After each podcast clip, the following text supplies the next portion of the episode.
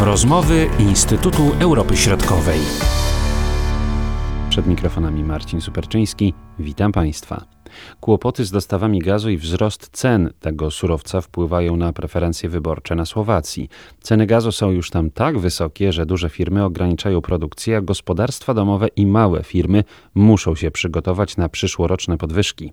Szacuje się, że Słowacy za gaz ziemny i energię elektryczną zapłacą o 10% więcej niż w tym roku. Tematyka rosnących cen jest intensywnie wykorzystywana w debacie politycznej, wyjaśniają nasi analitycy dr Łukasz Lewkowicz i dr Michał Paszkowski. Dąbrowski. Generalnie, jeżeli chodzi o sytuację Słowacji, faktycznie ona jest mało korzystna w tej chwili, jeżeli chodzi o przygotowania do sezonu jesienno-zimowego.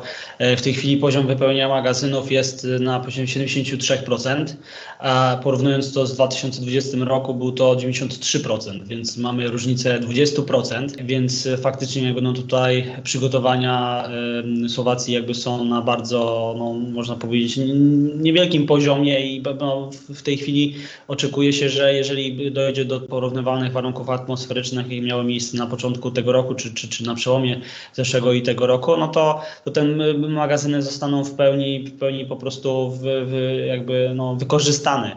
Jest to spowodowane przede wszystkim e, po prostu ograniczonym dostawem gazu, dostawami gazu ziemnego z Federacji Rosyjskiej. Rosja od jakiegoś czasu mniej dostarcza z tego surowca do Europy, też nie wypełnia swoich magazynów w Niemczech oraz w Austrii.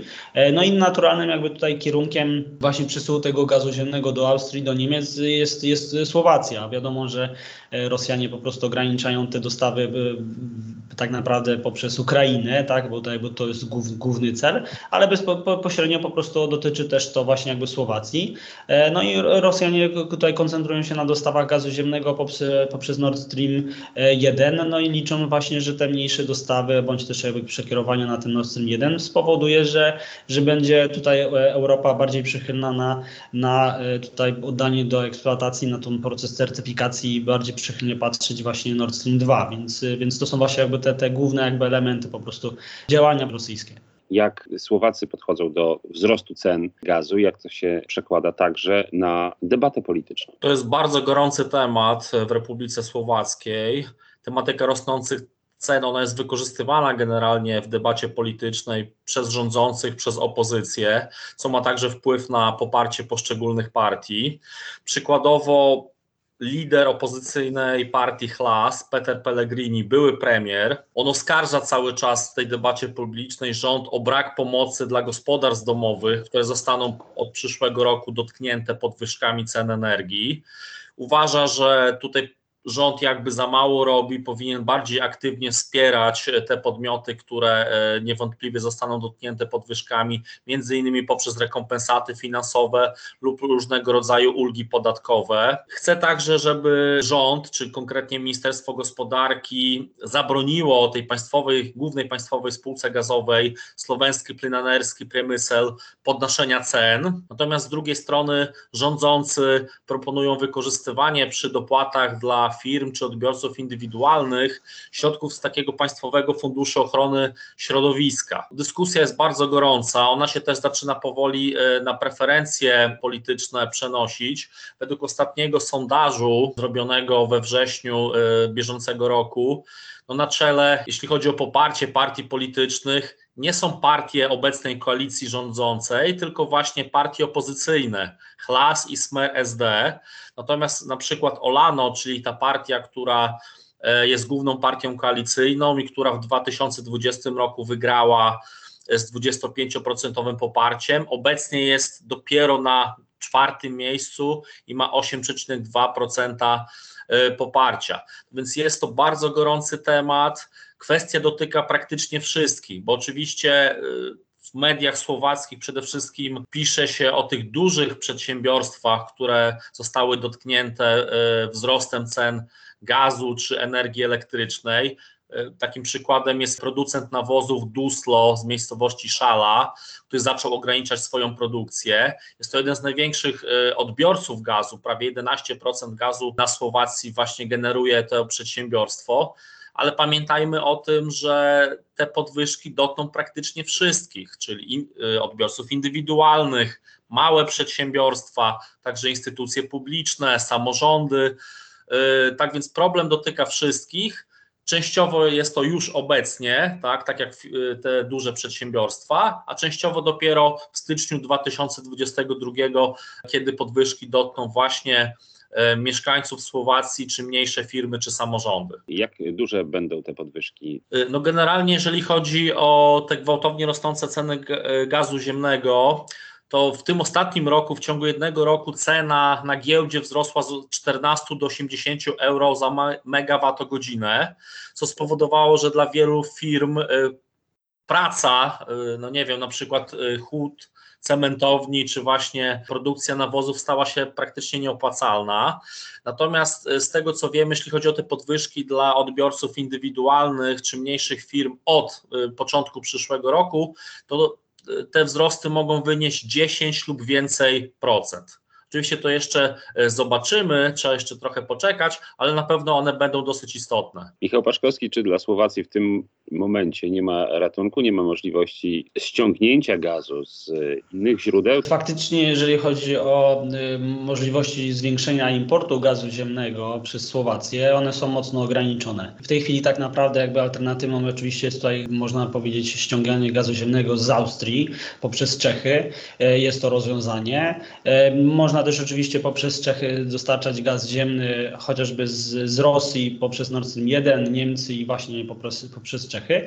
Natomiast y, y, tutaj generalnie można powiedzieć, problem nie dotyczy tylko i wyłącznie Słowacji, on dotyczy całej Europy. Po prostu jest mało generalnie surowca na rynku.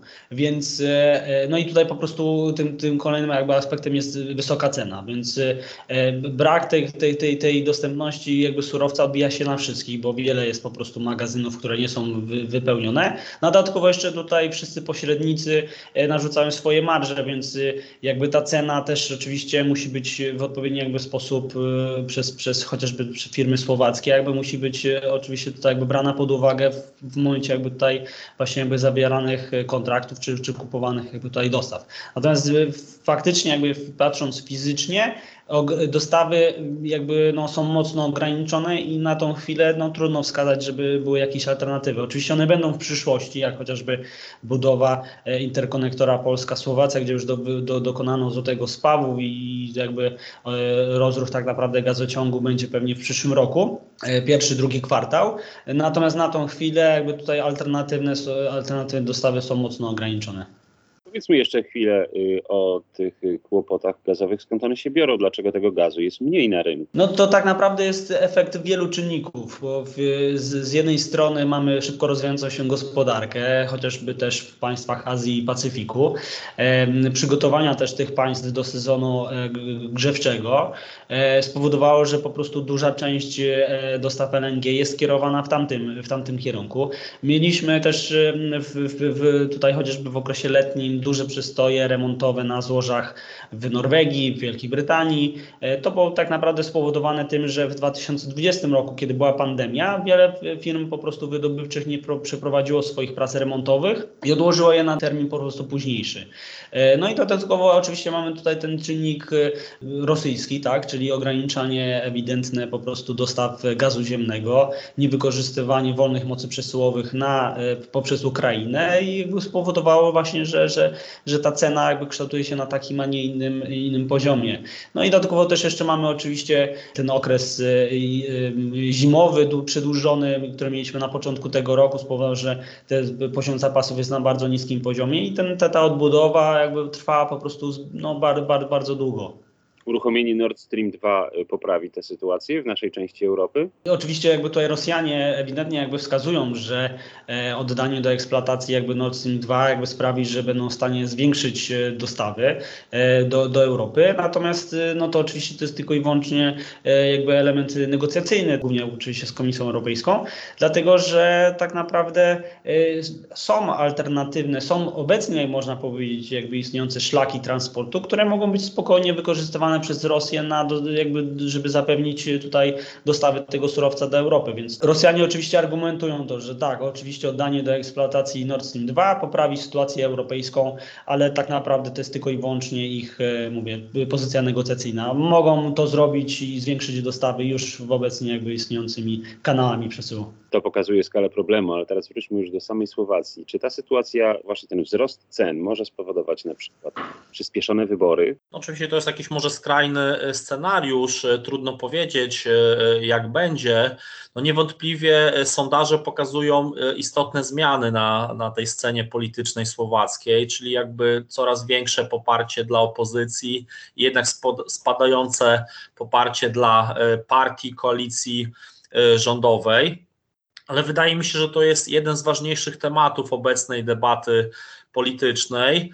E, Słowacy są bardzo wyczuleni na te kwestie energetyczne, bo ich też dotknął dosyć istotnie kryzys gazowy z 2009 roku.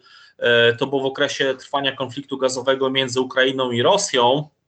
E, Rosja zakręciła kurek z gazem, dotknęło to właśnie Słowację. Słowacja traciła wtedy 100 milionów euro dziennie a recesja spowodowana tymi zakłóceniami dostaw surowca spowodowała spadek PKB o 1 czy, czy nawet 1,5%. E, wtedy właśnie Słowacy zaczęli podejmować działania na rzecz e, dywersyfikacji e, tychże dostaw, czego no, efektem jest między innymi budowany obecnie interkonektor Polska-Słowacja.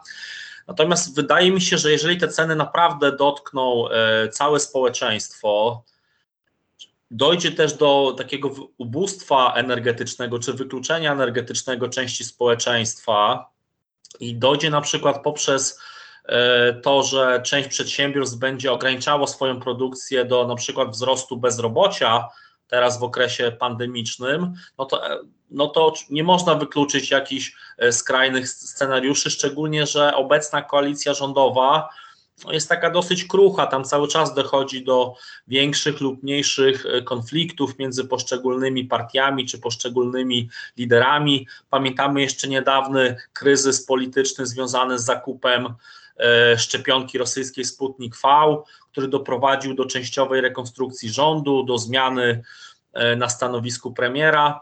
No nie można tego wykluczyć. Oczywiście do wyborów jeszcze na Słowacji dosyć daleko, natomiast y, patrząc na, na tą y, sytuację, y, nie wykluczam żadnego scenariusza szczególnie, że, że no, ta sytuacja nie jest taka jednoznaczna i, i, koalicja nie jest aż tak silna, że, żeby jakieś większe wahania czy większe protesty społeczne przetrwać. Więc na dzień dzisiejszy może bym się nie skłaniał do takiego e, skrajnego scenariusza, natomiast nie można tego wykluczać. Zobaczymy, jaka będzie sytuacja gospodarcza właśnie na początku e, przyszłego roku.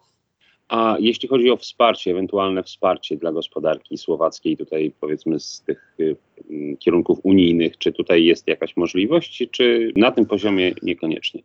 No w tym momencie jest raczej debata nad tym, żeby jednak strona rządowa e, próbowała jakoś rekompensować e, te podwyżki, czy finansowo, czy podatkowo, czy z różnych innych funduszy, tak jak wspomniałem na początku. Natomiast no nie można wykluczyć, że też częściowo e, będzie wykorzystywany Krajowy Plan Odbudowy z Unii Europejskiej, gdzie tam te kwestie energetyki, ten transformacji energetycznej Słowacji były tak dosyć mocno wyartykułowane. Więc tutaj no, nie można tego wykluczyć. E, no, Słowacja, pamiętajmy, że jest e, zwolennikiem i tutaj też istnieje pewien konsensus polityczny od kilku lat dochodzenia do osiągnięcia neutralności klimatycznej do 2050 roku. Słowacja podejmuje różnego rodzaju działania w tym zakresie. Jakby ten swój miks energetyczny cały czas e, zmienia w kierunku właśnie większego wykorzystania tych odnawialnych źródeł energii, czy chociażby energetyki jądrowej, która jest dosyć istotna w tym kraju. Tak więc no nie można wykluczyć, że, że tutaj te pieniądze unijne będą miały znaczenie, ale w debacie publicznej, przynajmniej w ostatnich tygodniach, dominuje raczej e, dyskusja nad tymi rządowymi programami. I mam wrażenie, że w tym momencie brakuje jakiejś jednej strategii e, rządu na rzecz e, pomocy dla przedsiębiorstw czy dla odbiorców indywidualnych. Mówili Łukasz Lewkowicz i Michał Paszkowski, a ja się nazywam Marcin Superczyński. Do usłyszenia. Były to rozmowy Instytutu Europy Środkowej.